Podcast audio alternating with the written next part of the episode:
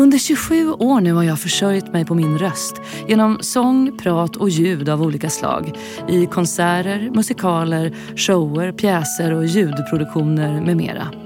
I fyra år har jag tänkt på att jag vill göra den här podden, Din röst, med fokus på rösten som verktyg, instrument, möjlighet och skyldighet. Jag hoppas att ni får med er något nytt i varje avsnitt som alla kommer vara helt olika. Både vad gäller längd och innehåll och val av gäst. Jag heter Sanna Martin. Välkomna, nu kör vi!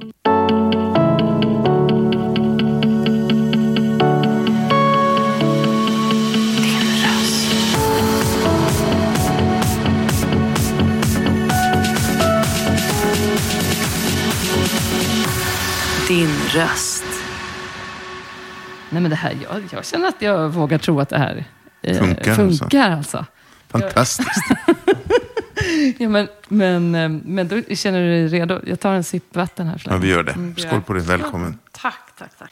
Men då ska jag faktiskt säga, eh, fastän det är jag som är hos dig, så ska jag ändå säga varmt välkommen till min podd Din röst, Ulf Wagner.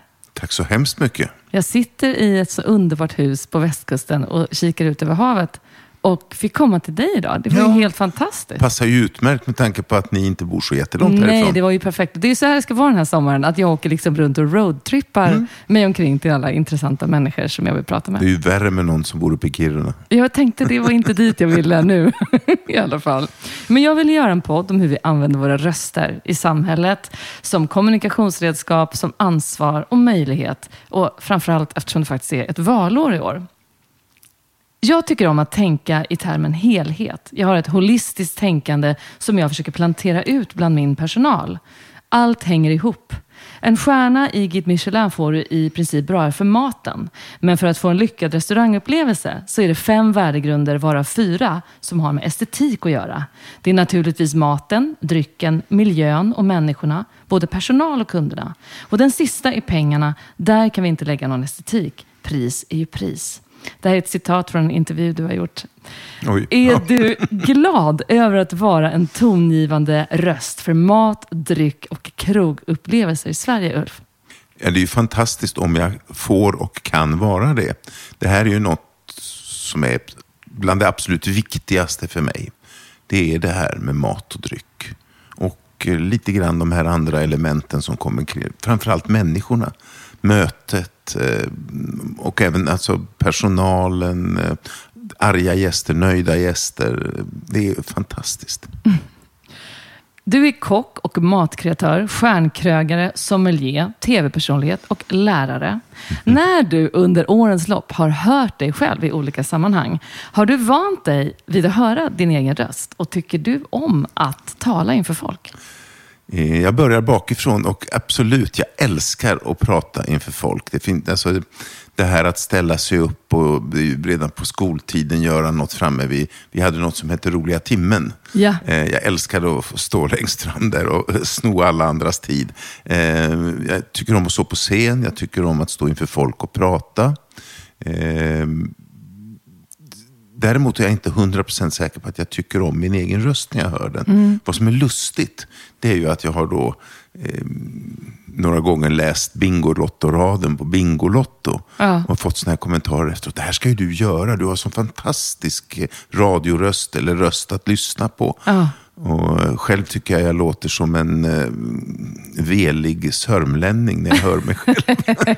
Men det är ju en klassiker där, att man hör något helt annat än alla Absolut. andra hör. När du var ung, hur var skoltiden för dig? Jag hade det ganska tufft. Min mamma kom från Österrike, från Wien. Min pappa från nuvarande Tjeckien, men på den tiden var det ju Sudetenland och båda pratade tyska och eh, hade flytt till Sverige. Eh, ja, de kom till Sverige via eh, att ha bott i Paris under andra världskriget och så vidare. Eh, och jag blev ju kallad tyskunge och sånt här i skolan. Och, eh, det var rätt tufft. Jag kunde inte ett ord svenska till jag var fem år gammal för att min farmor bodde hos oss. Aha. Så hon pratade ju bara tyska med mig. Eh, och när jag var sex eller sju år gammal så sa jag till mamma och pappa, jag tänker aldrig mer prata ett ord tyska med er. Aldrig, aldrig, aldrig. Eh, men mamma var envis. Hon fortsatte att svara mig på tyska när jag pratade svenska med henne. Och det var bra för oss båda. För att hennes svenska blev bättre. Och jag är så tacksam för att ha ett andra språk som Verkligen. är nästan lika bra som min svenska. Precis, och det förstår man ju inte alltid som barn. Att Nej, det är, värt så otroligt mycket som vuxen. Men var växte du upp någonstans? Jag växte upp i en liten, liten stad. Nej, jag växte inte ens upp i den staden. Jag växte upp utanför en pytteliten stad som heter Torshälla. Som ligger utanför Eskilstuna. Där min far var på något som heter Nybybruk och höll på med metallurgi.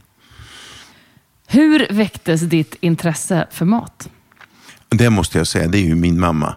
Mamma var österrikisk, utbildad österrikisk hushållslärarinna. Och eh, hon var ju hemmafru.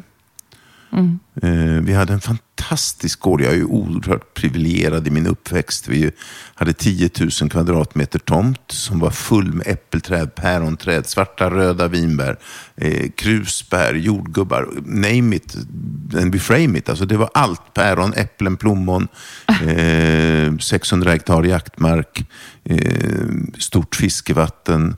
Så att det fanns hela tiden mat i huset. Färska råvaror. Eh, mamma var mycket noga med att det är inte dyr råvara som spelar någon roll. Det är kvaliteten på råvaran. Så hon sa alltid, Ulf, du får aldrig köpa en fryst köttungsfilé och tro att den är bättre än en färsk abborrfilé. Ah, men vad bra sagt. Utan det är inte vad det kostar, utan det är kvaliteten på råvaran. Och eh, jag stod ju alltid med stora ögon och tittade på det. Kom, vi hade ju en bonde, som man fick ju ha en hushållsgris. Och jag tror att han sålde 30 hushållsgris om året, men det spelar ingen roll. Och då, ehm, då köpte vi alltid en halv sån. Men sen var det ingen som ville ha blodet. Det var nästan ingen som tog hand om lever och sånt. Mamma och pappa älskade ju att få ta hand om det här och gjorde blodkorvar, leverkorvar, eh, massvis med olika sköna korvar. Och jag stod där med stora ögon och tittade på det här. Wow. Stoppade Så egen du såg korv det och- här Ja, hantverket, från hantverket, grunden när du var ganska liten? Mamma bakade alltid eget bröd för att hennes uppfattning om bröd överstämde inte med svensk sötlimpa kan jag ju säga. Nej, det Nu är det ju bara surdegsbröd och såna här riktigt mörka härliga bröd. Mm. Eh, Mamma kallade det schwarzbrot, svart bröd. Alltså surt och riktigt mörkt. Det gjorde hon ju själv förstås. Wow. Mm. Men var de eh, också på det att du skulle hjälpa till och sådär? Eller kom det inifrån Även dig jag att tyckte du det var ville? underbart att få hjälpa till. Min pappa var egentligen värdelös i köket. Han gjorde tre saker. Han kokade hummer. Han gjorde sniglar. För det var lite ingenjör bakom det. Det ska vara en viss tid. Och han gjorde knödel. Och knödel, just den här knödeln är något som heter serviettenknödel som är som ett kokt bröd. Men tar du en minut för tidigt så är det kladdigt. Tar du en minut för sent så är det torrt. Pappa stod ju naturligtvis med termometer, tidtagarur och så vidare. Så att, eh, det var lite fascinerande att se. Men vad kommer du ihåg eh, specifikt för maträtter som din mamma eh, och pappa då gjorde när du växte upp? Som du liksom har fått med dig och minns tydligt? Jag, jag kommer ju aldrig att glömma den gången vi hade kamrater på besök. Eh, vi åt mycket inälvor. Eller vi åt allt på ett djur. Vi, eh, som mamma sa, är man född i ett världskrig och har varit med om ett annat så kan man inte kosta på sig att slänga med råvaror och sånt. Hon var alltid så arg när hon kom in i våra kök och såg hur vi slängde råvaror. Och, eh, men det här kan man ju inte använda, sa vi. Och, jo, det är klart man kan använda, sa hon. Ja. Eh, hon gjorde fantastiska grejer av allt. Och vi fick nästan varje dag en soppa. För att hade du haft en kyckling på, på söndagen, ja då tog man skrovet och kokade buljong Ja. på det. Och så gjorde man en, en, en fritatensoppa eller något sånt där. Alltså en soppa med, med små såna här friterade grejer i. Och sen gjorde man en grönsakssoppa på de grönsaker som var över och så vidare. Så det var mycket soppor. Ta vara på allt. Svinn hatade hon. Eh, Hon skulle ha verkligen sett idag att vi har gått tillbaka och verkligen jobbar med det här med antisvinn. Eh, mycket vilt. Hon gjorde något som heter ung hare. Det heter Jungerhase. Det är alltså som du gör med, med lite russin och mandel och kryddor. Eh, Helt fantastiskt. Och kokar den här haren i lite buljong. Och, ehm, det är ett oerhört magert kött så att få behandla det väldigt försiktigt. Oj, oj, oj. Ja, du fick med dig en hel del där. Väldigt det hör man mycket. ju verkligen. Och du firade förra året 50 år i gastronomins tjänst. Måste du påminna mig om det? Men jag tycker det är så häftigt. Jag Ja, tycker då bara att är- det ser man hur gammal man är. Nej, nej, nej, nej. Men vi har ju mötts ett fåtal gånger tidigare eftersom att jag kände din fina fru Ingalill Mm. som faktiskt var lärare åt mig i sång på Balettakademin en gång Ja. i tiden. Eh, Och mitt intryck av dig är att du verkar vara intresserad av det mänskliga mötet. Och jag tycker alltid du har gett ett varmt och vänligt intryck när vi har mötts. Och jag upplever dig som så passionerat förtjust i ditt yrke. Och att du verkar ha ett genuint intresse för att skapa extraordinära mat och dryckesupplevelser på de restauranger du har drivit. Och när jag har hört dig uttala dig om hur du har nått dit du eh, nått idag, så har du sagt någonting i stil med att det krävs hårt arbete och att nothing gives nothing. Har det funnits perioder då din passion och övertygelse gått stick i stäv med det hårda arbetet du faktiskt fått lägga och att du har känt att det knappt har varit värt det? Ja, det är väl klart att sådana stunder har funnits. Man tvivlar ju alltid som människa på mm, en hel del saker. I princip varje dag. Eh, och eh, Det är klart att man har haft, jag menar det är inte, inte för inte jag är gift för tredje gången. Jag brukar alltid säga att jag har aldrig ljugit för de kvinnorna när det gäller mitt arbete i alla fall. Eh, men efter ett tag så är det ju så här, "Van, du är aldrig hemma, du eh, måste du jobba och så vidare. Eh, så det är klart att den här passionen för att göra sitt jobb och göra det bra och utveckla det. Jag har läst jättemycket om vin och vinhistoria och vinkunskap och sådana saker. Eh, Jag, jag brukade alltid skämta om att säga när kompisarna läste Playboy så läste jag en kokbok. eh, ja, och det, det är klart att vissa stunder har man känt så här, varför gör jag det här? Och man börjar ju känna nu när man har just firat 50 år i köket att eh, de här åren ihop med de andra åren gör att det är klart det är lite jobbigare att gå upp ibland på morgnarna för det gör ont överallt. Och man har lite förslitningsskador. Och, men samtidigt kan jag ju bara säga att totalt sett så älskar jag det här. Det har varit värt varenda mödosam timme. Wow. Du började utbilda dig till jurist, men hade som ung redan arbetat i såväl gatukök som på restauranger och valde sedan matspåret Mm. rakt av. Hur förstod du att du var bra på det här med mat? Ja, när då mm, någon av mina kompisar jag pluggade med läste in civilrätt A på x antal dagar och timmar och genom att plugga. Och jag hade kommit till sidan två eh, på samma tid. Eh, Medan jag eh, gick förbi Operakällarens meny och kunde tänka hur de tillade vakten. Jag kände det i munnen, jag såg det framför mig när jag blundade. Eh, Så blev det naturligt så att det var till restaurang jag sökte mig. Jag jobbade extra, tog inga studielån. Och det är klart att juridikstudierna blev ju enormt lidande av det här. Har du kunnat ångra det ibland? Så här, att, oj, åh, att jag inte gick klart det där. Eller har du varit sugen på att liksom kunna mer om, om det ämnet? Det finns så jätte... Alltså det är det som är så härligt här i livet. Att det finns personer, det finns människor som... För allt. Ja, Och låt dem göra det. exakt. Sen att de tar bra, betalt är en annan sak. Men det Ja, är väl värt det. Det får vi ju inspireras av, kan jag ju tycka, i vissa andra yrken. Du startade, eh, den första egna krogen som du var inblandad i som ägare, startade kring 1985.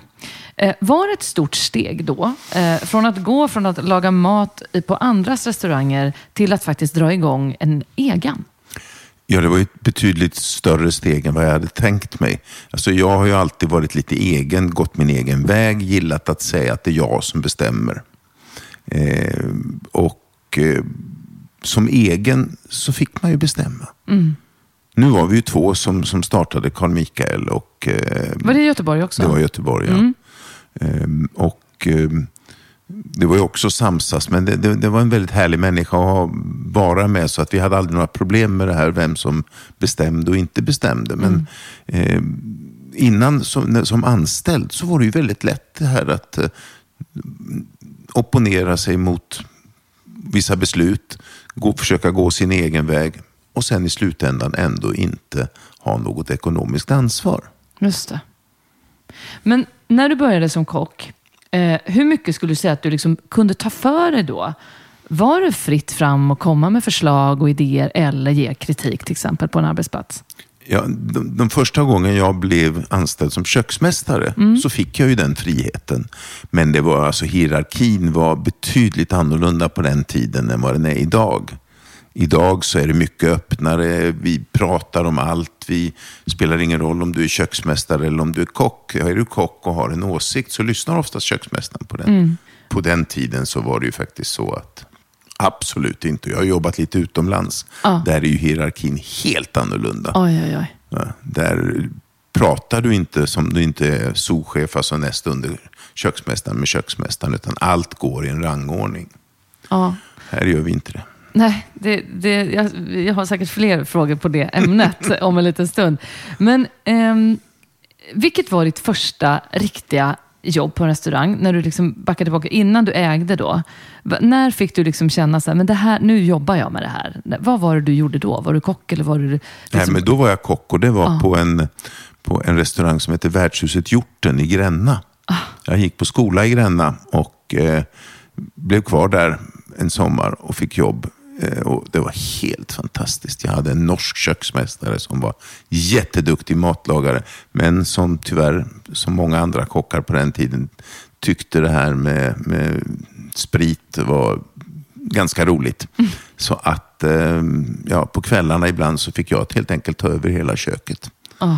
Och det var, var en intressant upplevelse, men då kände jag verkligen, gud vad det här är häftigt. Och när du sen eh, drev Carl Michael Mm. på 80-talet och sen har det ju kommit mycket mer därefter. Men i början, hur gick businessen då för er och hur gick då dina tankar om att faktiskt fortsätta och dra igång nya projekt? Och kunde, det här liksom, kunde du redan då känna att det ena gav det andra?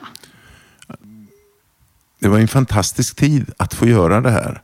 Och sen helt plötsligt märkte man att den här ekonomiska verkligheten, det var inte så här att eh, nu ska jag få lön den här månaden, utan herregud, har vi pengar så vi ens kan plocka ut egna löner eller kan vi betala våra leverantörer? Vad är det som händer? Den oron och den eh, gjorde ju att man tvivlar på varför öppnar man en egen restaurang. Carl Michael gick väl sådär. Vi gjorde, ingen jätteförlust, men vi var inte jättebra. Men eh, mitt under den tiden så fick vi erbjudande om att ta hand om en jättefin restaurang i Göteborg som heter Arkivgatan. Och eh, då fick vi med lite finansiärer. En av mina goda vänner, en mycket, mycket välkänd finansman, eh, gjorde något som hette emission kring det här och fick, vi fick en jättemycket pengar Wow. och kunde bygga om Arkivgatan till en drömrestaurang. Och den hette The Place. Ja, och den ska vi komma in på. Den kommer vi in på. Ja. Men det var väldigt häftigt för då var vi inte ekonomiskt oberoende men vi hade en enorm ekonomisk stabilitet. Framförallt likviditet, alltså att du har pengar i kassan. Vad otroligt när ni ändå var så pass unga och Mm. ganska nya ändå i branschen. Att ha det i ryggen måste ju varit en, Ja, var en en enorm trygghet. ja. Och The Place blev ju alltså den första restaurangen i Göteborg med dig bakom spakarna som fick en eh, stjärna Mm. i Guide Michelin. Absolut. Och det var 1989 om jag läst mig rätt till Fantastiskt detta. påläst, ja. Eh, hur var det här och vad betydde det för dig och din utveckling? Det betyder ju oerhört mycket för, naturligtvis för mig, eh, för mina relationer med många människor. Eh, när pappa och mamma kom till första middagen efter vi hade fått stjärna så säger pappa att eh, du gjorde helt rätt som inte blev en dålig ointresserad jurist utan en väldigt, väldigt duktig kock. Wow. Grattis, jag är stolt. Gud vad fint. Vad fantastiskt att få höra det. Och Mm. Det måste ju ha varit otroligt för dem att få vara, uppleva det här. Mm. Men det var häftigt. Och just det att vi var först i Göteborg. ehm, det fanns ju några stora namn i Göteborg till. Eller, det fanns några stora namn Ja. i Göteborg. Eller ta bort det med till. Ehm, och nej, det var kul att, att få vara först. Ja. Och vi jobbade ju för att få den här stjärnan. Hur gjorde ni det? Jag och min kollega då, Peter Collén, vi åkte till Paris, till Lyon, till småstäderna med trestjärniga krogar, tvåstjärniga krogar. var sjätte vecka ungefär. Och så åt vi och drack vi och så stal vi så mycket vi kunde. Ja. Och sen, för det är ju så här, du kan alltid gå in och skriva av en trestjärnig restaurangsmeny. Men sen måste du kunna göra det också.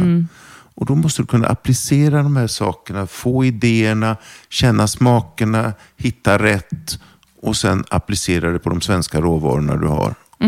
Och så på så sätt så kanske du skapar lite magi. Otroligt. Och det här ögonblicket när ni då blev tilldelade den här utmärkelsen. Eh, f- hade du det på känn eller var det en stor förvåning? Nej, vi hade det faktiskt inte på känn. Utan vi trodde inte Göteborg skulle få några stjärnor. Eh, Det gick ju rykten att de hade varit i stan och, och så vidare. Eh, Och eh, det var bara det var en helt omtumlande känsla. Och vi firade ju med champagne och stod och skålade med olika tidningar och radio som var där och så vidare. Så det, var, det var verkligen, verkligen roligt. Sen så fick du även en stjärna 2004 för restaurangen Basement. Och Stämmer. Och det var en överraskning. var det det? För att, så här sa vi. Jag menar, det här med att få en stjärna, det innebär också att det du har gjort innan, utan stjärna, det är helt plötsligt inte värt någonting. Utan när du är en stjärna, då måste du göra det ännu bättre. För du har ju en stjärna. Hallå. Eh, och det var alltså, på, på, på eh, Basement så eh, sa vi till varandra så här, vi ska ha kul. Vi ska servera sån mat som vi tycker om, smårätter. Eh, och vi körde med såna här jättemycket roliga olika, eh, inte aforismer, men eh, vi skapade små olika talesätt. Till exempel att vi älskar valfrihet, speciellt om vi får välja. Det vill säga att vi ville tala om för gästerna i vilken ordning de skulle äta, och vilka Ja. rätter de skulle välja och så vidare. Va? Ja. Magnus Larsson som min kompanjon hette på den tiden. Jag var ju fantastisk på det här med ord. Och, eh, eh, så vi sa till varandra, det gör väl inget om vi serverar från höger eller vänster. Det gör väl ingenting om eh, någon äter en förrätt och någon äter en varmrätt eller mellanrätt och så äter någon detsamma fast tvärtom. Och så ja, just det. Vi har bara kul nu. Bra viner, bra vinlista och så kul. Och så plötsligt får vi den här stjärnan igen. Och jag tror tredje dagen efter att vi hade fått den. Så vi var ju på Götabergsgatan och så en liten trappa ner. Då kommer in en något yngre, eh, välbärgad man och släpper en bilnyckel på våran bardisk och säger du är snäll och parkera om bilen. Det ingår väl i en stjärnkrog. Okej, oj. Mm, sa jag. Kanske inte riktigt. Vi lagar mat och serverar den med goda viner, men vi parkerar inga bilar. Alltså, det är ju det att ehm, när jag undervisar, vi kommer komma in Ja, på det, så absolut. antar jag, men så, så har jag bland annat ett, ett talesätt som jag har lånat från engelskan som heter Never ever try to meet people's expectations. Always try to exceed them. Alltså Mm. försöka överträffa. Just det. Och på Basement så var det ganska enkelt att överträffa folks förväntningar. Lokalen var inte världens vackraste. En halv trappa ner, lite skum belysning eh, och sen superkäk. Jättebra Wow. mat, Ja. bra viner, skön stämning. Ehm, så att det var lätt att överträffa. Mm. Med en stjärna, då är plötsligt förväntningarna så mycket, mycket, mycket högre. Det blir så många fler saker som ska tillgodoses eller som man har förväntningar på ska fungera. Va? Så att det är mycket svårt. Men vad märkligt det måste vara, att då, då ritas ju liksom hela den kartan om. Mm. Och eh, det blir ett annat klientel förmodligen som kommer dit. Absolut. Men jag tänker på, vad gör en stjärna för själva varumärket? Eh, det är klart det lyfter varumärket. Ja. Det är ju så att de här Michelinstjärnorna, det är ju någon form av stämpel där då tre stjärnor är eh, mycket, mycket väl genomfört. Mycket, mycket VG. Och sen är det mycket VG och sen är det VG för en stjärna ungefär. Va? Eh, och, och man får flera jobberbjudanden att komma hem och göra middagar eller vara med och göra de här sakerna. Alltså olika evenemang eh, och så vidare. Så det är klart att varumärket stärks oerhört mycket av att få en stjärna. Ja. Tillsammans med Elgiganten vill jag i den här podden belysa det digitala utanförskapet som råder i samhället. Digitalt utanförskap kan både bero på brist på kunskap om digitala verktyg och brist på tillgång till teknik. Utan tillgång till tekniken som behövs kan man inte ta del av den digitala och uppkopplade världen. Olik tillgång till teknik leder både till klassklyftor och att fler människor upplever socialt utanförskap. Elgiganten har en fond vars syfte är att motverka digitalt utanförskap. Genom Elgigantens fond bidrar man årligen med kunskap, produkter och finansiella medel för att motverka utanförskapet i vårt samhälle. Vill du veta mer om Elgigantens arbete för att minska det digitala utanförskapet? Besök då elgiganten.se. Sjömagasinet som du drev mellan 2011 och 2021 fick ju också en stjärna 2013. Stämmer. Eh, var det också någonting som du kände så här, det måste bli så, jag kan inte gå runt här utan att... Nej, men det var ju så att Leif hade ju fått en stjärna på Sjömagasinet. Mm, Leif Mannersson som Ja. drev det innan dig. Ja, Mm. Och när han sålde, då blir han ju av med stjärnan automatiskt. Just det. Och när vi då köper eller säljer våran restaurang så blir den av med stjärnan Basement. Det här är ju riktigt för att eh, det har faktiskt varit några sådana här tillfällen när Guide Michelin har delat ut stjärnor utan att kanske ha varit där. Jaha du. Det var bland annat en, stjärn, en krog som fick två stjärnor innan den ens hade öppnat och lite sådana här saker. Eh, så nu har de blivit väldigt hårda på det här. För att tänk om, okej, det är Ulf Wagner, stjärna Guide Michelin, som köper Sjömagasinet med stjärna Guide Michelin. Men tänk om jag hade gjort eh, The Taco Restaurant by the River med en sån här gungande cowboyhatt på utsidan. Och, eh, det kanske inte, så att visa att du är värd att behålla den här stjärnan och Ja. att köra den. Du drev då Sjömagasinet som jag sa i tio år och det är en legendarisk Göteborgskrog, känd både för sin mat, sin miljö och en hög dos representation och stjärntäta eh, gäster, som, eller vad säger man, stjärnbesök.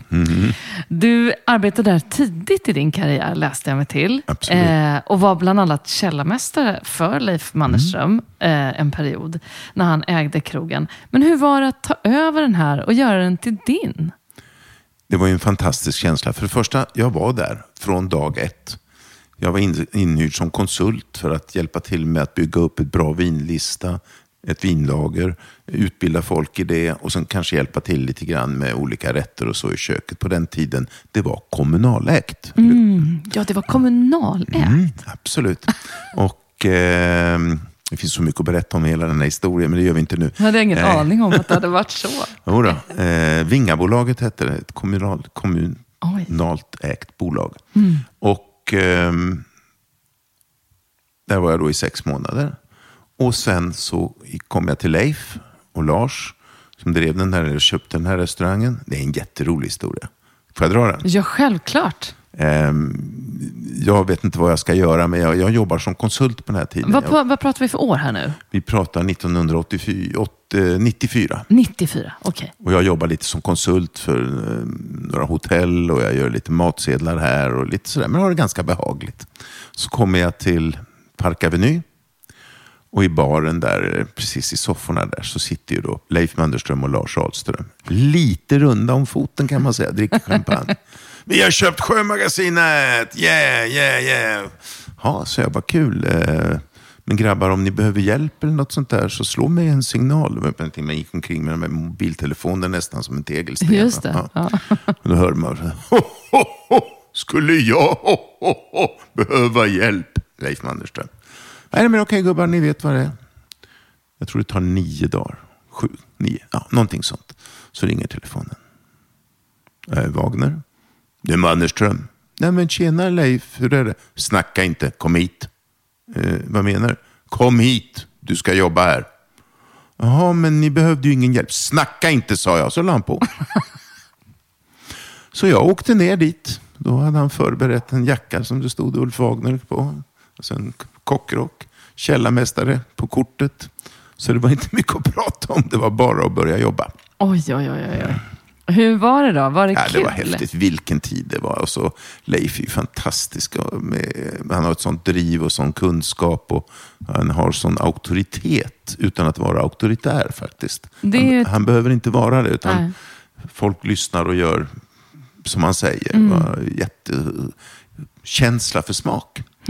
Och Och eh, det var oerhört roligt. Och det året jag jobbade, eller från att de köpte restaurangen så tror jag den omsatte 5 miljoner. Och första året omsatte vi 20 miljoner och andra året 40 miljoner. Mm. Så att, alltså vilken utveckling det Ja, var. Och- de tänkte rätt där på något sätt. Ja. Mm. Magnifikt var det. Den här podden görs i samarbete med R-Functional, en klimatneutral funktionsdryck från Åre. De vill i allt de företar sig göra det de kan för att ta ansvar för vår miljö och framtiden för vår planet. De vill att människor idag ska kunna leva och bo i samhällen fria från skadliga ämnen i både jord, luft och vatten. R-Functional tror på att ge människor tillgång till törstsläckande drycker, lokalt producerade i Sverige, framställda på naturligt mineralvatten och berikade med naturliga ingredienser. Genom ett för miljön minimalt belastande sätt levererar de fossilfritt från sin tillverkning i Åre och ut till sina kunder i resten av Sverige.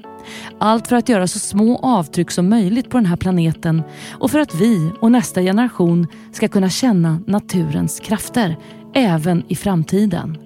Läs mer på rfunctional.com.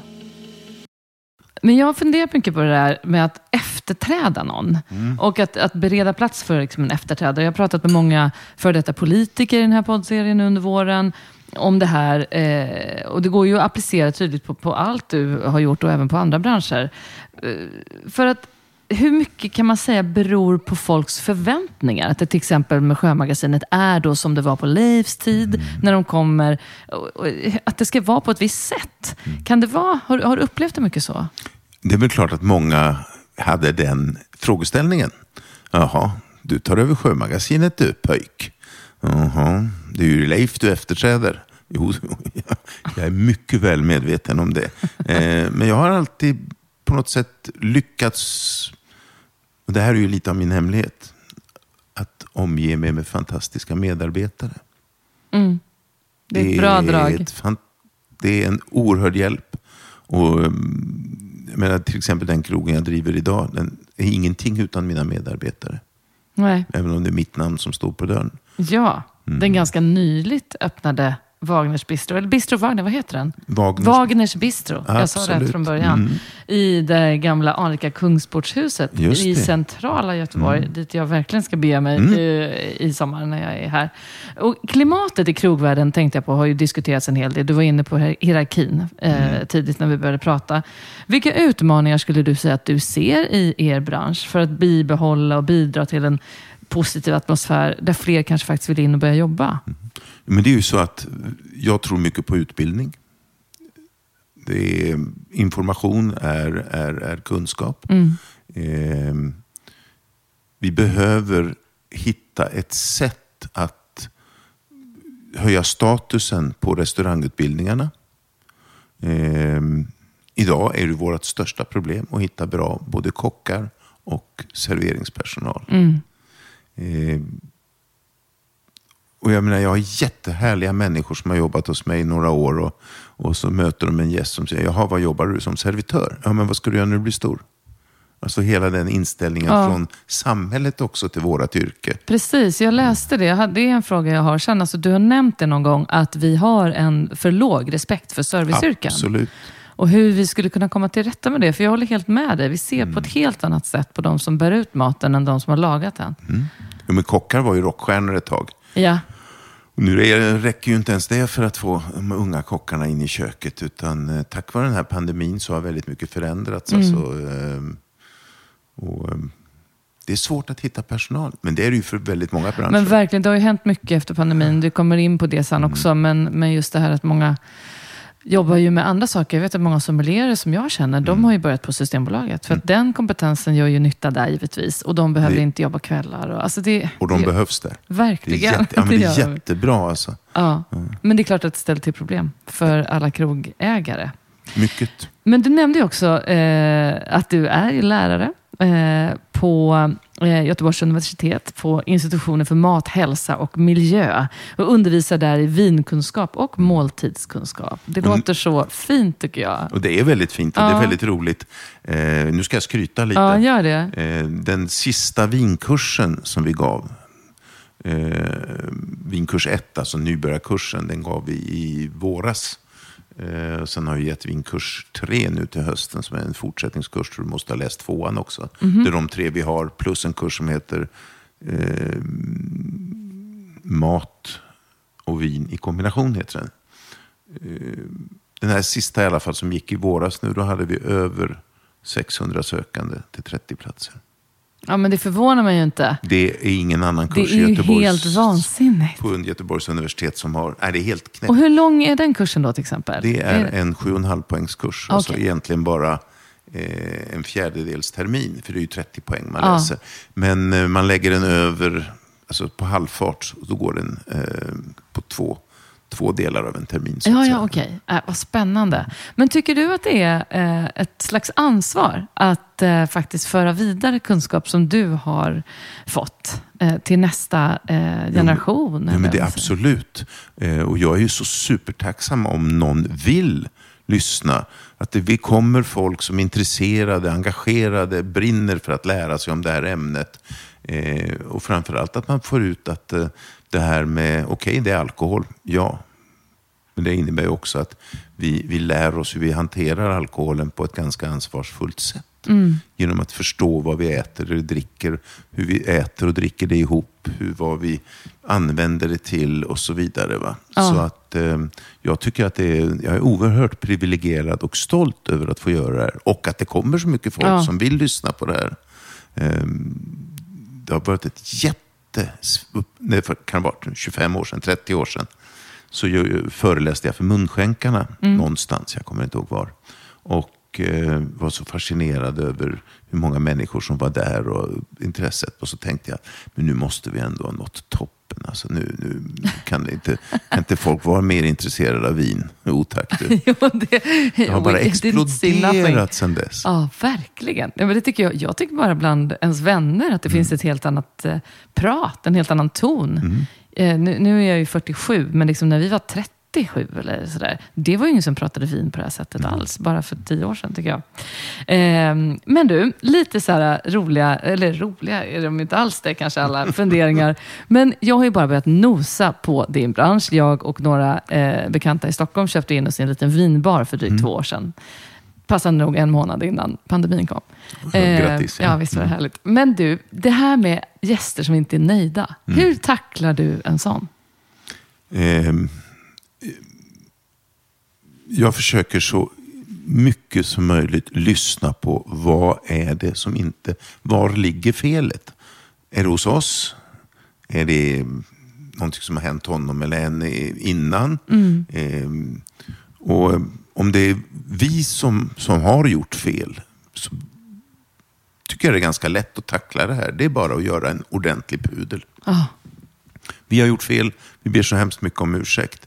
Men sen finns det ju gäster som bara klagar för klagandets skull. Verkligen. Och det är ju tyvärr så. Eh, och eh, jag har faktiskt varit tvungen att be gäster att gå. ja. Mm. Är det svårt tycker du? Nej, inte när det obviously inte är vi som har gjort fel. Nej, jag förstår. Nej, men det där är svårt. Och man, man hamnar ibland i någon så här, eh, också när jag har bara sett andra, alltså när man är ute och äter, att, eh, att krogägarna eller kockarna försvarar sig på ett sätt. Alltså det, det, det kan också bli lite så här skevt i att de inte vill kanske ta in, som du säger, de vill kanske inte höra Nej. om det låg på deras eh, ansvarsområde eller inte. Men jag har till exempel tagit det som en policy på vår restaurang. Det är ju så här, smak är ju smak. Du kan ju aldrig diskutera smak egentligen. Mm. Nej. Men om någon beställer in en flaska vin så utgår man ifrån att den människan vet vad det är. Ja, Men om någon ber mig rekommendera till exempel, kan inte du ta fram ett glas vin till den här rätten? Och så säger de, nej jag tycker inte det här var gott. Det är klart att de har, ska byta och få någonting annat och så vidare. För det är ju jag som har gjort det valet. Men när en gäst säger, du det här vinet var inte gott. Nej, men vad är det för fel på det? Nej, jag bara tycker inte om det. Då är det ju väldigt svårt att få, låta den gästen få ta, byta bort en hel flaska. precis. Verkligen. Det, det Vet du vad du själv. har beställt? Ja. Och många, säger, många vet ju inte det såklart. Nej. Men du, jag läste att du är också en utpräglad tävlingsmänniska. Eh, och du har ju kört Kockarnas kamp och många av de här tv-produktionerna. Men, men hur sjutton kan vi egentligen tävla i mat som är så subjektiv? Vi brukar prata i liksom min bransch om att det går inte att tävla i musik. Det är liksom också Egentligen subjektivt s- sådär. Men, men, men vad, vad, hur känner du med det där? Är något äckligt eller är något gott? Eller är det din sanning? Nej, det är ju alltså det är så här att, att tävla i vin som jag har gjort mest. Jag har ju varit någon gång i semifinal i Årets Kock och jag har eh, varit med i Årets husmanskost och kommit tvåa och något sånt Ja. där. Viltkock och massa sånt där. Men eh, i vin är det ju väldigt lätt att tävla. För där är det ju 90% teori. Ja.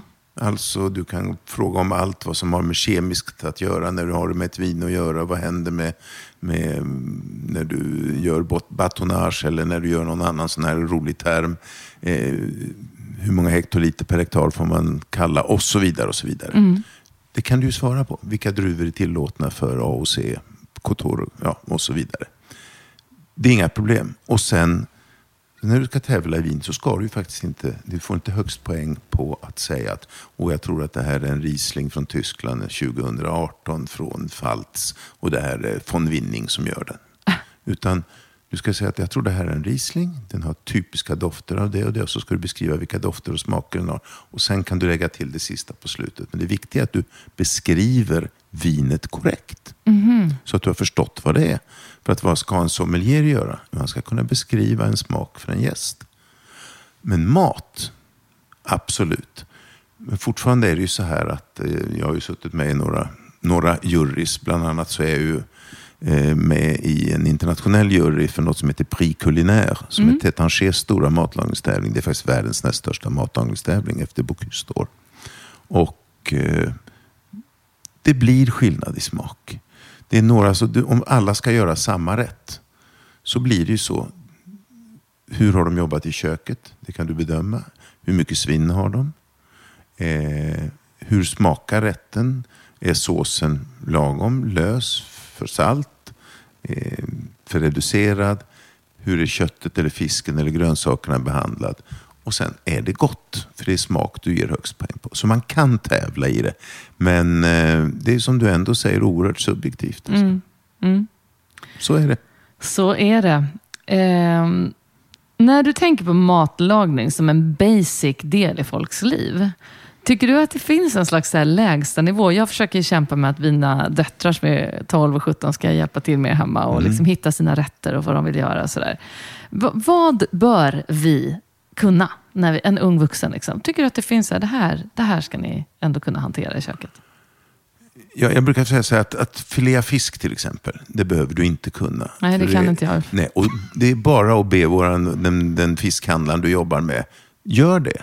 Eh, alla sådana saker. Eh, men du bör, tycker jag, eh, alltså jag kommer aldrig glömma, jag bodde i Paris och tittade på fransk tv och så var det, jag tror det var Paul Bocuse som var på tv och pratade om en av sina kollegor, en trestjärnig kock. Och sa, ja han är fantastisk, han vet hur man kokar ett ägg. Något raljant, men till exempel det. Ja, Hur det. Mm. kokar du ett ägg? Hur gör du en bra omelett? Hur jobbar du med basråvaror? Vad kan du göra med de här sakerna? Ja, just det. Att hitta på lite. Mm. Att uppmuntra till att titta, vad finns det hemma? Ja, men precis. Annars är det ju en oerhört komplex fråga. Jag vet. Vad behöver man egentligen Ja, men jag vet. Och jag vet att jag, jag tycker jag, jag blir också överlycklig om de bara steker ett ägg till sig själva. Jag tycker det är toppen. Och lyckas göra det utan att bränna kanterna eller att det är fortfarande Mm, alldeles och för gärna rimligt. ta undan stekpannan och sånt. Det är också oerhört viktigt. Det är nästan det viktigaste tycker Mm. Ja, lite ordning och jag. reda Ha i köket. ordning och reda. Du kan inte laga mat i ett smutsigt eller oredigt kök. Nej. Det går inte. Nej. Inte bra mat i alla fall. Nej, precis. Men du är ju som vi var inne på extremt bra på vin. Och du har ju vunnit både svenska mästerskapet i vinkunskap och frans, om franska viner och placerat dig på en sjätteplats i VM. Mm. Och när vi såg sist så stötte vi ihop på Centralen tror jag det var häromåret. eh, Och Vi ville då, gå till din vinbar, men då hade du stängt. Då hade jag stängt. Och Mm. då sa du att vi måste komma dit. Och då kände jag direkt en spontan så här, herregud, ska du komma till min lilla...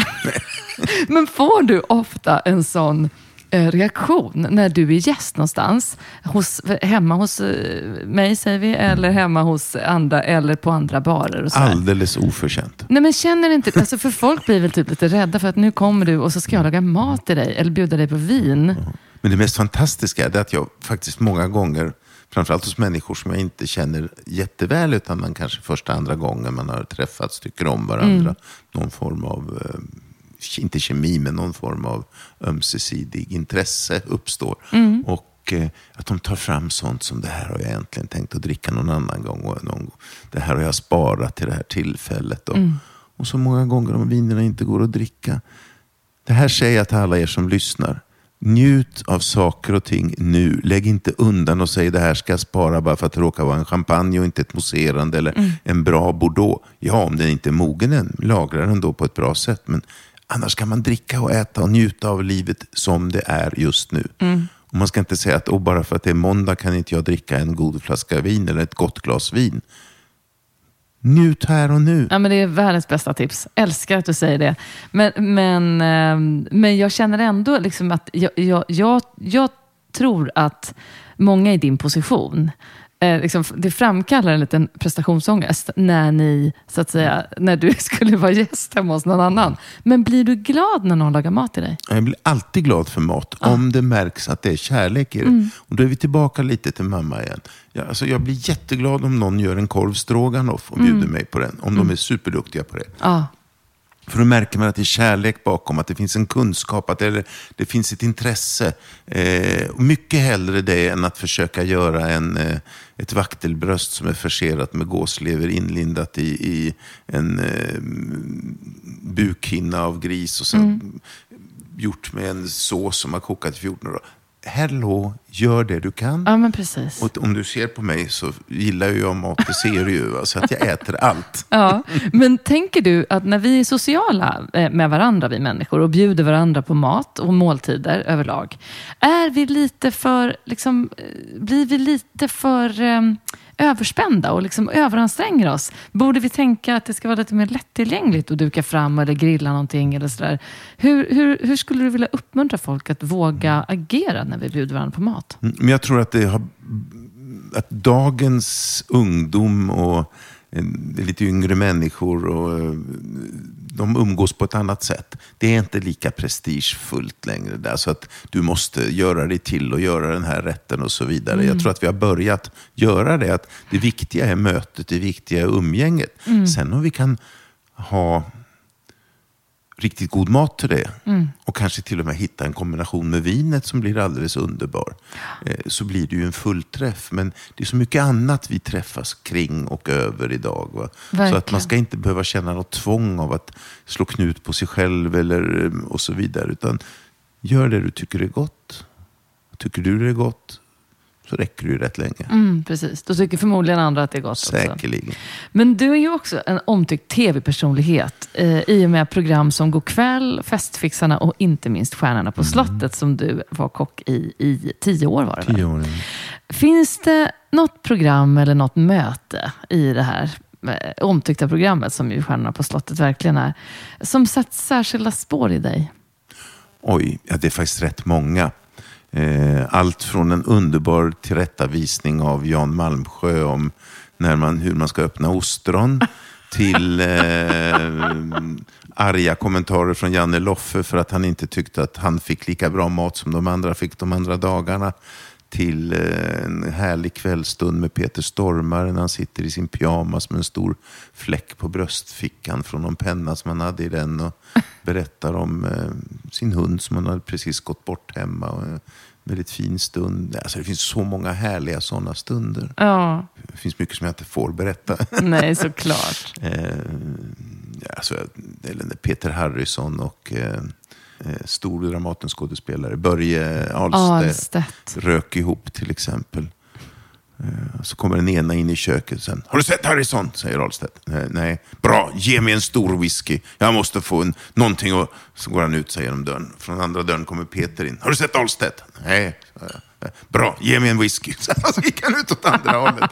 De kanske var mer lika än vad de ville inse ja, själva. Ja, det var Oj, jätteroligt. Ja. Du, om mindre än två månader så är det ännu ett val i Sverige. Och då frågar jag alla mina gäster, vad gör ett valår och ett riksdagsval, säger vi då, med dig Ulf? Eh, ja, naturligtvis så, så har jag förhoppningar om att eh, det kommer att bli en förändring av något slag. Eh, dock börjar jag inse mer och mer att eh, eh, det finns inte ett parti som motsvarar alla de förväntningar och de eh, just förväntade förändringar jag skulle vilja se i vårt samhälle, att de står bakom det. Utan de flesta partier har en fråga som de driver rätt hårt.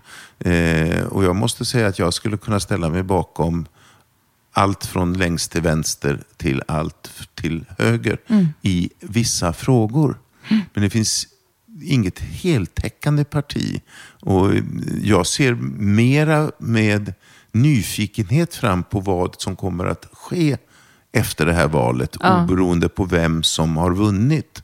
Eh, om det nu blir en allians med, med, med blåa eller röda partier, eller mm. hur man ska uttrycka det. Ja, precis. Eh, alla partier har någon vettigt att säga. Mm. Några partier har några saker som jag inte överhuvudtaget eh, sympatiserar mm. med. Men eh, det finns, jag kan ställa mig bakom nästan alla partier. Mm. Eller jag kan ställa mig bakom alla partier. Det har ju klumpats ihop fråga. mer också med ja. tiden. Att mycket har blivit mer likt och så vidare. Det är mm. svårt. Jag är själv en jätteambivalent väljare och det är, det är en stor del i att jag överhuvudtaget gör den här podden.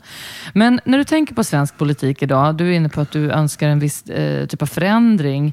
Eh, vad stör du dig på i svensk politik? Jag stör mig väldigt mycket på att det är... Eh, svensk politik går väldigt mycket idag ut på, tycker jag, att hitta brister hos de andra partierna än att göra en vettig programförklaring själva och stå... Alltså, det handlar så väldigt mycket om, tycker jag, personangrepp och inte direkta, men indirekta angrepp mot, och det, det vi säger, det, det är så här. Och ni förstår ju inte ett dugg av det här. Och, alltså, hallå, koncentrera er på det som ska göras mm. istället mm. för att kritisera det som de andra pratar om att göra. Ja, och jag tror att du är, jag tror att du är gäst nummer 21 eller 22 och jag tror att alla har nämnt detta. Okay. Eh, och det säger ju en del. Det är liksom ingenting de kan skoja bort. Jag, jag stör mig också enormt mycket på detta. Att man inte är mer intresserad av vad man vill istället för att hitta andras fel. Jag tycker det är obegripligt faktiskt. Mm, men jag tänker på, jag är väldigt sådär att jag sitter gärna och tittar på partiledardebatter mm. och så men det blir tuffa format att hänga med i, för det går så fort allting idag. Hur tror du att vi skulle kunna göra de här liksom valrörelserna eller de här valåren mer intressanta för oss som faktiskt ska rösta? Det är ju väldigt, väldigt svårt, men jag tror att lite av det vi just pratade om ligger i det att koncentrera sig på en sakfråga, framföra den på ett bra sätt mm. och ägna sig mindre åt destruktiv politik som jag kallar det här. Att hitta, det är bättre att kritisera andras idéer än att lyfta fram själv. Mm. Eh, sen är det ju ibland så med sakfrågor och sånt att ja, det är väl klart att alla är överens om att gängkriminalitet är jättesvårt. Och hur ska vi stävja det här? Eh, men jag kan inte sitta och överhuvudtaget i en debatt och tänka vad ska vi svara eller vad ska vi säga i den här frågan. Alltså det är väldigt, många av de här frågorna är så komplexa och så stora att, att det är väldigt svårt att, mm. att uh, hitta något konstruktivt kring dem. Ja. Uh, men det är klart att det, skolan, invandrarpolitiken, uh, omvärlden, NATO, ja. allt det Det är så många frågor ja, och också. Det är stora va? frågor. Det är jättestora frågor, frågor, som kommer att förändra oss mm. på något sätt. Ja. Jag tänker också det, verkligen. Vi lever i en väldigt komplex tid mm. där vi gärna vill ha rappa, enkla lösningar mm. på svåra saker också. Men jag tänker på eh, din yrkesbana med mat, med upplevelser, med företagande. Mm. Eh, du var också inne på det här med matsvinn. Vi pratar ganska mycket om hållbarhet idag. Mm. Vad ser du eh, inifrån din bransch som du skulle vilja att politiker vet om? Oj, det är också en ganska komplex och, och stor fråga. Men eh, jag kan ju tycka att under pandemin till exempel så blev vi lite styrmoderligt behandlade. Eh, oh ja.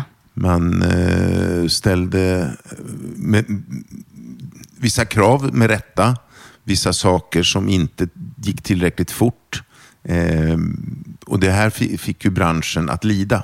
Verkligen. Eh, det var saker och ting som borde kunna åtgärdas på ett mycket enklare, ett mycket smidigare sätt. Och mycket mera direkt. Var det någonting under tiden som du förde fram, att du såg att så här tror jag inte att ni ska göra, utan förde du liksom fram din talan? Det Hur var, du såg det fanns ju inget forum att göra det i. Nej. Eh, Jag var intervjuad i någon tidning där, där de just frågade om de här sakerna. Mm. Och, Vad eh, tänkte du på nu i efterhand att du hade önskat att man gjorde annorlunda för Nej, restaurangvärlden? Framförallt snabbare hjälp och direktare hjälp. Mm. Och sen naturligtvis ganska hårda krav på att, att det här är eh, befogat. Just det. Så att du inte kan mygla med det. Va? Nu är det några som börjar få betala tillbaka och, Mm. Ja. och så vidare. Mm. Men det tog väldigt lång tid för eh, politikerna att agera. Ja. Och lite grann återigen styrmoderligt behandlad är ju hela den här branschen. Ehm, Sverige är ju ett gammalt verkstadsindustriland och skogsindustri och sådana här saker. Men jag tror, nu, nu killgissar jag, jag läste det här någonstans att hotell, turism och restaurangnäring är väl näst största sektorn i Sverige. Det tror jag att det är. Jag har också läst något liknande. Och eh, under pandemin så var ju vi i kulturvärlden liksom också drabbade. Något Såklart, så- ganska mycket. Och eftersom jag då eh, hade precis köpt mig in i den här lilla baren så hade jag ju valt två branscher som båda gick åt pipan under den här tiden. Så jag fick en del insyn i just de här regelverken kring restaurang också. Och jag håller med dig helt, för jag tycker nästan att restaurangbranschen råkade liksom värre ut än kulturen. För kulturen fick åtminstone egenmärkta pengar. Som du kunde söka hjälp ifrån bara om du var aktör där. Men så var det ju inte för restaurangvärlden. Det var bara en massa regler att förhålla sig till och jättekonstiga öppettider och avstånd. Så det, det var ju nästan så att man hade sagt att men det är ju bättre att göra som i Paris då, där de säger stäng. Ja. Så får ni ersättning en period. Precis. För det var, det var ju gräsligt att se hur, hur, hur det faktiskt Nej. dåligt det gick för folk eh, under den här tiden. Och just det att du inte får några riktigt raka besked, utan Nej. den här oron, eh, vad är det som händer, hur, eh, eh, hur kommer det här att drabba oss egentligen och så vidare. Sen är det ju väldigt svårt, det förstår väl jag Ja, men också. såklart. Och man avundas inte de här politikerna Nej. som sitter och ska tänka ut alla smarta lösningar. Ehm, Men vilken samhällsutmaning eller politisk fråga går du och funderar på mycket idag? Ja, det är också, jag har flera frågor i huvudet. Alltså, eh, det är ju så lättvindigt att säga klimatet för att det är, alltså klimatfrågan är ju oerhört viktig. Va? Vi satt idag, eller det gjorde vi inte alls, nu ljuger jag. Jag satt i förrgår med min bror på en liten sjö i, utanför Sveg. Och vi drog upp en fantastisk abborre bland annat. Eh, Men vi pratade mycket och så sa han, titta, det finns inte en tärna här. De har försvunnit. Svalorna flyger inte alls här. Vi har en svala, där kommer en till. Det fanns massvis med förut. Eh, sjön var 23 grader varm eller något sånt där. Det var, och just det här, vad är det som händer med vår natur, med vårt klimat? Hur ser skogarna ut? Eh, och sen åker man igenom mil efter mil efter mil av skog och då kan man fundera, men herregud, klarar inte av den här, klarar inte den här av att rena eller eh, och så Ja. vidare. Men ändå, det Ehm, vad gör vi och hur, gör vi det här bra? Mm. Men jag måste man blir imponerad av en sån som Greta Thunberg som orkar hålla på genom pandemi och så vidare och framföra sitt budskap. Mm, verkligen. Och att det engagemanget har eh, spridit sig över hela världen. Och bara också satt ljus på den här frågan. Du behöver inte ens vara, eh, hamna i att du ska, måste hålla med om allt. Eller, det, men att, ha, att den här frågan har fått sin rättmätiga plats har ju hon bidragit till på ett oerhört verkligen, sätt. verkligen. Men ehm, jag tänkte på det här med mat som verktyg eller fråga eller eh, ingrediens i en demokrati. Hur vi kan liksom se på mat. Och då läste jag då att du bland annat har besökt äldreboenden i Göteborg för att servera trerättersmenyer. Och det är ett samarbete med ett par ti- stiftelser som gör det här möjligt. Och det uppskattas ju givetvis enormt eh, av de äldre. Och de säger att de aldrig har ätit något så gott i sitt liv. Hur, hur känns det att göra en sån insats? Det är fantastiskt eh, att få göra just de här sakerna. Ehm, och jag, som sagt, jag är 67 i år. Man är snart där. och jag skulle vara jätteglad om det kom en duktig ung kock och lagade mat till mig på mitt äldreboende. Ja, någon till. gång ibland. Ehm, det är naturligtvis fantastiskt att få göra de här sakerna. Och eh, jag har engagerat mig lite i Barncancerfonden och gjort lite middagar och sånt här. Och eh, bland annat så kommer jag aldrig att glömma en herre som kom in och skulle hämta sin son som var väldigt tillbakadragen. Eh, jag gjorde en middag då för Barncancerfonden där de fick laga mat med mig. Var det här på Östra? Han var i Göteborg. Ah. Och eh, på våran smedja som det hette, eller Smedjan. Och eh, då var det en kille som var med där som inte ville vara med andra och, inte, och så vidare. Och så kommer pappan in ungefär en kvart, en halvtimme innan de ska avsluta alltihopa. Han sa det med tårar i ögonen. Han hade sett sin son så lycklig, så engagerad och så otvungen på åtta år eller något sånt där. Han hade haft cancer i tio, ja, han var tio eller tolv år gammal. Um, det var en fantastisk känsla. Mm. Så mycket det går att bidra med Ja. i, i ditt jobb. Mm. Och vad tänker du när du tänker på den maten som många eh, skolbarn eller sjukhusinneliggande eller boende på äldreboenden runt om i Sverige faktiskt får? Jag har en mycket god vän som eh, dessutom är läkare som råkade ut för en mycket allvarlig sak och eh, var tvungen att tillbringa nu fyra, fem veckor på sjukhus. Och han skickade mig bilder då och då. Och eh, man kan ju säga så här att eh, ehm, det är inte inspirerande att se. Och jag tror inte att det är livsbejakande heller. Eh, Nej, det, jag kan för lite om det här. Jag var lite engagerad. Var en underbar tjej uppe i Stockholm som, som eh, var mycket engagerad i det här med skolmat eh, som jag fick äran att jobba med lite grann här för en 20 år sedan. Eh, och det behövs så lite. Det behövs bara engagemang. Det behövs inte så mycket mera pengar.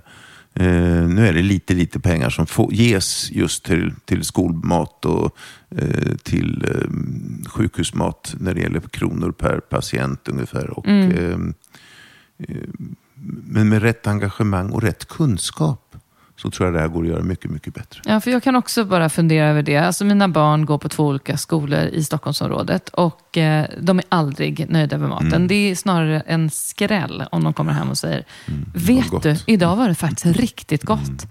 Och eh, jag kan bara inte begripa hur svårt det här ska vara att styra upp. För det, är ju en, det här är ju en del i faktiskt att föra en demokrati framåt. Att se till att skolbarn eller patienter blir mätta, får i sig rätt saker så att de Absolut. orkar tänka och vara med i utvecklingen.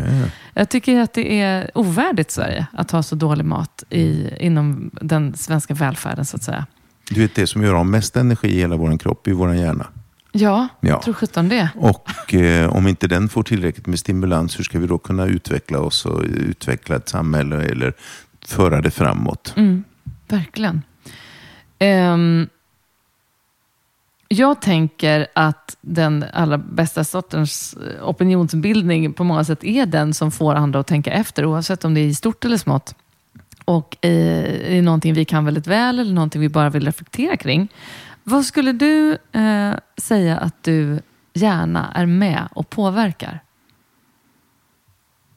Oj, det här är en jättesvår fråga. Eh, jag ser ju inte mig själv som någon opinionsbildare. Eller, eh, jag försöker påverka genom att bara vara en så hygglig människa jag kan. Och påverka på många olika sätt. Eh, det är ju som man säger om barn. Barn gör inte som man säger utan som man gör. Och eh, jag tror att om politiker verkligen gör det de säger så skulle vi få en annan respekt för dem och vi skulle få ett annat utfall av vissa saker. Ehm, så att eh, jag skulle gärna vilja påverka människor att göra det de säger. Mycket bra sagt. Om vi bara snuddar vid det här stora begreppet hållbarhet ehm, och matsvinn. Vad, vad vill du att vi ska lära oss och vad vill du skicka med eh, till lyssnarna eh, hur vi kan se på det här utifrån ett uh, matlagarperspektiv? Alltså det är ju från den lilla, lilla saken att bara titta på ett mjölkpaket och så säger man den här mjölken går ut om en dag. Den vill inte jag dricka. Den håller en vecka till. Eh, alltså börja ta bort fördomar och missuppfattningar. och eh, det, det, alltså det är ju faktiskt så att vi har hyggligt luktsinne de flesta människor. Man känner om något är dåligt. Man känner om något är surt eller ruttet eller och så vidare. Och är det inte det så går det att äta. Mm. Och att kanske inte vara så... Alltså vi får börja kanske använda mera saker av ett djur. Är, Vi får lära oss hur man tar vara på kokta grönsaker eller potatisar som är över eller en bit eh, kött som inte har gått åt och så vidare. Och inte bara slänga saker. Eh, använd det, använd din fantasi. Jag, älskar pyttipanna. Det är ju verkligen att ta vara på, på matrester. Mm, verkligen. Oh ja. Eh, korv är ju egentligen att eh, mala ner kött som jag inte kan använda till någonting annat och sen kanske dryga ut det med lite goda grejer och Ja. eh, ja, stoppa det på något sätt. Bra. Du har två barn och två bonusbarn. Mm. Vad vill du helst att de ska få med sig ut i livet från dig? Det där kan ju bli väldigt pretentiöst det här svaret. det vet jag inte om jag vill svara. Nej, men eh, jag, jag tror väldigt mycket på det här att eh, de ska vara hyggliga människor. Det är väl ett jättebra svar Mm. som jag tror att många skriver under på. Är du orolig för världen? Ja, absolut. Och framförallt från den här sidan med, med maten. Vad händer med de här krigen nu? Alltså det, det förstörs ton, alltså inte ton, tusentals ton med spannmål, grönsaker. Eh, jag menar, Ukraina är ändå näst störst i, i, i den här delen av världen på, på de här sakerna efter då, eh, Ryssland. Eh, fiskeriet, vad händer med det? Hur ska vi kunna klara att, att föda oss själva? Jag såg några hemska program om barn i Afrika som jag trodde att de var 7, 8, 9 år gamla. De var 17, 18 år gamla. Eh, Det enda de kunde få i sig i protein det var två gånger i veckan när någon lyckades fånga en sån här svart mamba innan den fångade dem. Alltså, och sen grillade de den. Eh, det är ju det här, vi pratar ju så mycket om demokrati. Det är ju ett sånt vack- vackert ord. Mm. Eh, det mest odemokratiska vi har är våran jord. Ja, det är det verkligen. Tänk att norra, norra bältet med vi och så ner förbi Spanien och så vidare. Du har fått alla, natur, alltså alla stora tillgångar vad det gäller mat och, och sådana saker. Medan då resten av världen har, klart att USA, Australien och så vidare. Men om du tittar på ett band runt jorden så ligger nästan allt som produceras i det här bandet. Eh, Medan andra länder inte har fått någonting. Och har de fått någonting så har det varit naturtillgångar i form av mineraler och sådana här saker som vi i västvärlden har roffat åt oss. Men det är så gräsligt när man Mm. tänker på detta. Och vad vi, kan, vi kan ju inte ändra på det idag, Nej, eller det- hur? Vi kan inte göra något åt jorden. Men vi kan utnyttja jorden vettigt. Och det den producerar och ta hand om det den gör. Mm. eh, Och se till att underhålla den. Ja, det kan vi. Så jag är väldigt orolig. Om du hade fått bli minister, vilken minister hade du då blivit? Och vad skulle du ha velat ta tag i direkt?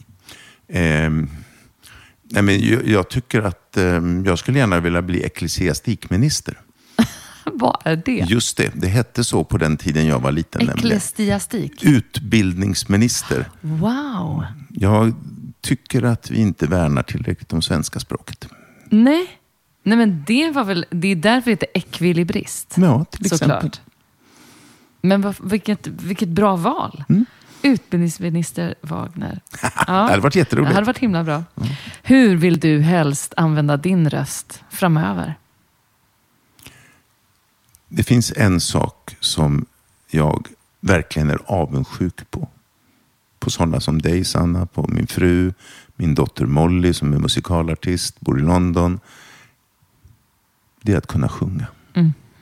Men du bor ju med en pedagog. Jag vet det, men det finns vissa, vissa saker går inte att göra bättre, tyvärr. Eh, och jag sjunger ju hela tiden. Men, Till hennes stora förtvivlan. Nej, men det, jag tycker det låter jättehärligt. Mm. Ah, Nej, Tänk om jag kunde sjunga. Det hade varit Mm, roligt. jag förstår. Jag älskar det. Men det kanske aldrig är för sent. Mm. Vi, får, vi får hitta Ja. på något. Vi kommer på något. Ja. Tack snälla för att du ville vara med i min podd Ulf. Tack Ja, för att du ville höja din röst Det är hos jag mig. som bugar och bockar och säger stort, stort tack för att en, en, en enkel kock får vara med. Nej, men super, super intressant och eh, tack för allt du har gett i upplevelseväg till Ja. alla oss. Tack snälla själv. Tack för att ni återigen har lyssnat på min podd. Tack för att ni vill höra alla de här roliga olika gästerna och rösterna. Tack Elgiganten för att ni vill stötta det här projektet. Och tack till R-Functional för att ni också vill vara med. Vi hörs nästa vecka. Hej då!